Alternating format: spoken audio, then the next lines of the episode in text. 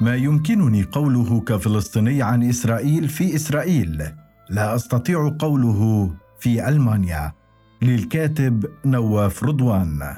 أن تعرف عن نفسك عن أنك فلسطيني في ألمانيا ليس بالأمر السهل خاصة عندما يتعلق هذا الأمر بكافة تفاصيل حياتك. بدءا من البحث عن غرفة للسكن أو إيجاد عمل أو خوض أي نقاش عابر مع غرباء عابرين. ببساطة أنت فلسطيني. اذا أنت تهمة متحركة حتى تثبت عكسها.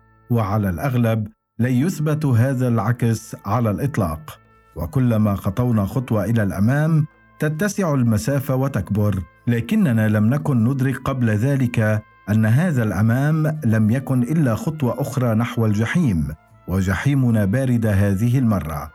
لطالما كانت معاداة السامية هي التهمة الجاهزة والمغلفة بعناية تجاه أي نقد ممكن لإسرائيل في هذا البلد. بالطبع نستطيع التفهم لأسباب تاريخية عميقة وراء ذلك خاصة أن قطارات الموت ومعسكرات الاعتقال وأفران الغاز لا تزال شاهدة على حفلة الهولوكوست الكبيرة وهي واحدة من أبشع الحقب الدموية في تاريخ البشرية.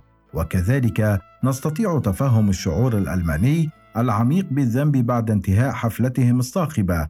هذا كله مفهوم بالنسبة لي ولا غرابة فيه. لكن ما هو غير مفهوم لماذا علي أن أشعر بعقدة الذنب هذه؟ لماذا يجب علي كفلسطيني يعيش في ألمانيا أن أدفع هذا الثمن؟ في عام 2019 أعلن البرلمان الألماني أن حركة مقاطعة إسرائيل وسحب الاستثمارات منها وفرض العقوبات عليها تستخدم أساليب معادية للسامية لتحقيق أهداف سياسية أو هذا ما استوعبته على الأقل. نعم، كل عطسة هنا قد تصبح معادية للسامية، وهذا قد يقلب حياتك رأسا على عقب. كان الأمر بسيطا إلى هذا الحد بالنسبة لي، ما تستطيع قوله عن إسرائيل في إسرائيل لا تستطيع قوله في ألمانيا وهو ما كان مضحكا بشدة في بداية ولكن مع مرور الوقت بدأ الأمر يتحول إلى كابوس مزعج حتى على المستوى الشخصي تحاول المؤسسة الألمانية جاهدة للسيطرة على فضاء اللغة ومن هنا تستطيع إحكام سيطرتها على ما قد ينتج من أفكار في أذهان دافعي الضرائب. ثمة مصطلحات وكلمات ومفاهيم وأفكار جاهزة يمكن تداولها. في مقابل بعض الأفكار والكلمات التي يمكن أن تعرضك للمساءلة القانونية. ومن هنا تبدأ ماكينة الخراء الهائلة بالدوران. هناك ما يمكنك قوله وهناك ما لا يمكنك قوله. تجنب الحديث عن إسرائيل واليهود. لا تتحدث عن النازية. تجنب الحديث عن غزة والقدس. ماذا تقولون؟ إنه حق إسرائيل في الوجود. إسرائيل ديمقراطية ويهودية في الوقت نفسه. الهولوكوست هش اخفض صوتك. حتى لم يعد بإمكان أحد أن يشتم إسرائيل دون أن يواجه عواقب هذا التهور. شيئا فشيئا. يبدأ دافع الضرائب المحترم بالتماهي مع دورة الهراء هذه ويقوم بإعادة إنتاجها بوعي أو دون وعي. وفي لحظة ما يصبح الفصل بين اللغة والأفكار الناتجه عنها مجرد وهم. إذ تفرض عليك هذه اللغة المسموحة طريقة ما لتعريف نفسك داخل هذه المنظومة حيث تشكل الكلمات وجهة نظرك عن الحياة كما تشكل الطريقة التي تشعر بها تجاه نفسك والعالم. وكذلك تفعل الكلمات التي تجرؤ على قولها. الأمثلة أكثر من أن تحصي فيما يتعلق بمحاولات السيطرة على اللغة والنقاش العام ولعل أبرز الأمثلة هو الوثيقة التي سربت من مكاتب دوشتي فيلي في أيار مايو 2021 أثناء العدوان الإسرائيلي على غزة. سياسة التحرير التي وزعت على الصحفيين والموظفين في المؤسسة من قبل رئيسة التحرير مانويلا كاسبر كلاريدج تقول نحن في دوشتي فيليه لا نشكك يوما بحق إسرائيل في الوجود. نحن لا نشير إلى نظام الفصل العنصري في إسرائيل. إننا نتجنب الإشارة إلى الاستعمار أو المستعمرين. وتابعت الوثيقة نحن نحترم حرية الرأي والتعبير وحق الناس في انتقاد أي من الأطراف المعنية. ومع ذلك فإن انتقاد إسرائيل يصبح معاداة للسامية عندما تحاول تلطيخ وتشويه السمعة ونزع الشرعية عن دولة إسرائيل.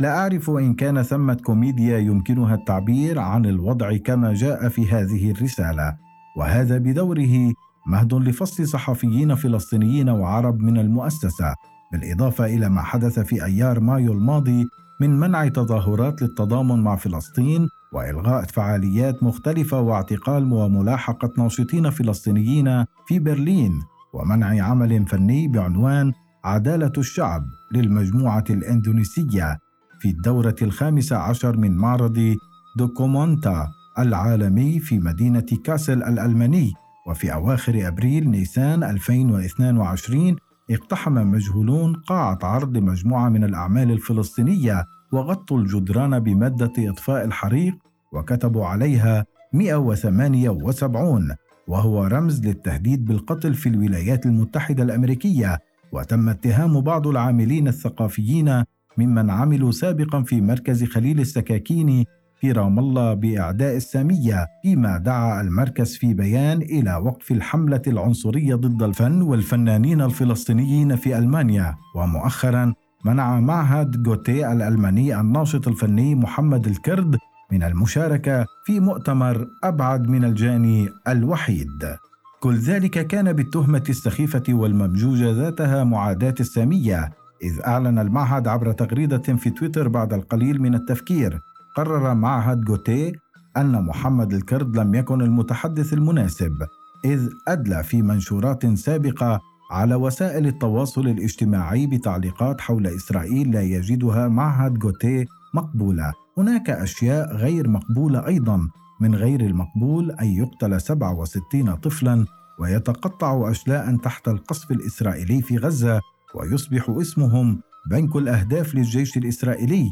وأن يسمى اغتيال الناس في الشوارع تحييدا وأن يتحول مقتل شيرين أبو عقلة على الشاشة الألمانية إلى وفاة شيرين أبو عقلة من غير المقبول أيضا أن تسمى دولة اليهود بالدولة الديمقراطية وأن تصبح مناهضة الاحتلال والتطهير العرقي في فلسطين معاداة للسامية وأن يسمى الإعلام الألماني العائلات العربية في برلين ويسن بعشائر الإجرام العربي.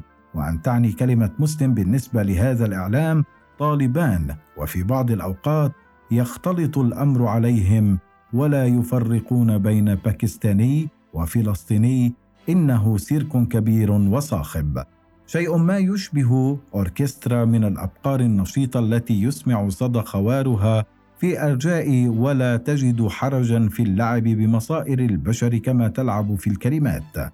تسيطر اللغة على التعريفات ووجهات النظر وحدود التفكير. ومن خلال العبث في هذه اللغة تحاول الماكينه الألمانية أن تحول نفسها إلى ضحية جرائمها المتراكمة على مر التاريخ وتتنصل منها عبر أحداث شرخ حاد وقطيعة تاريخية معها بحيث تصبح هذه الفترة النازية حالة استثنائية في تاريخ هذا البلد. لكن في الحقيقة ما النازية سوى استمرار طبيعة للحالة الاستعمارية الأوروبية وتتويج لمجازر التطهير العرقي في مختلف الدول التي استثمرت خلال القرن الماضي. بالطبع كان لهزيمة النازيين في الحرب العالمية الثانية الأثر الكبير والمزلزل على الوعي الجماعي لكل ما هو ألماني، إذ تحولت هذه الدولة المرعبة إلى كائن رقيق يرتدي جرابات ملونة وبالكاد يملك جيشا ويحاول الاغتسال جاهدا من هذا الذنب الهائل. ولكن مثل كل مرة لا تغتسل الفوقية البيضاء من ذنوبها إلا من خلال دعم استعمار يشبهها. وفي هذه الحالة بالنسبة لهما لم يكن هناك أفضل من دعم نظام الفصل العنصري الاستيطاني الإسرائيلي. هذه الفكرة كذلك ليست سوى تتويج للعنصرية البيضاء المستمرة تجاه اليهود إذ كنت معنيا حقا الدفاع عن حق اليهود فعليك الدفاع عن وجودهم في أوروبا. عدا ذلك فإن كل هذا الخطاب البائس ما هو سوى استمرار في الكراهية والعنصرية الألمانية ضد اليهود من أجل إقصائهم عن بلدهم الحقيقي الذي تعرضوا فيه لأبشع المجازر على مر التاريخ.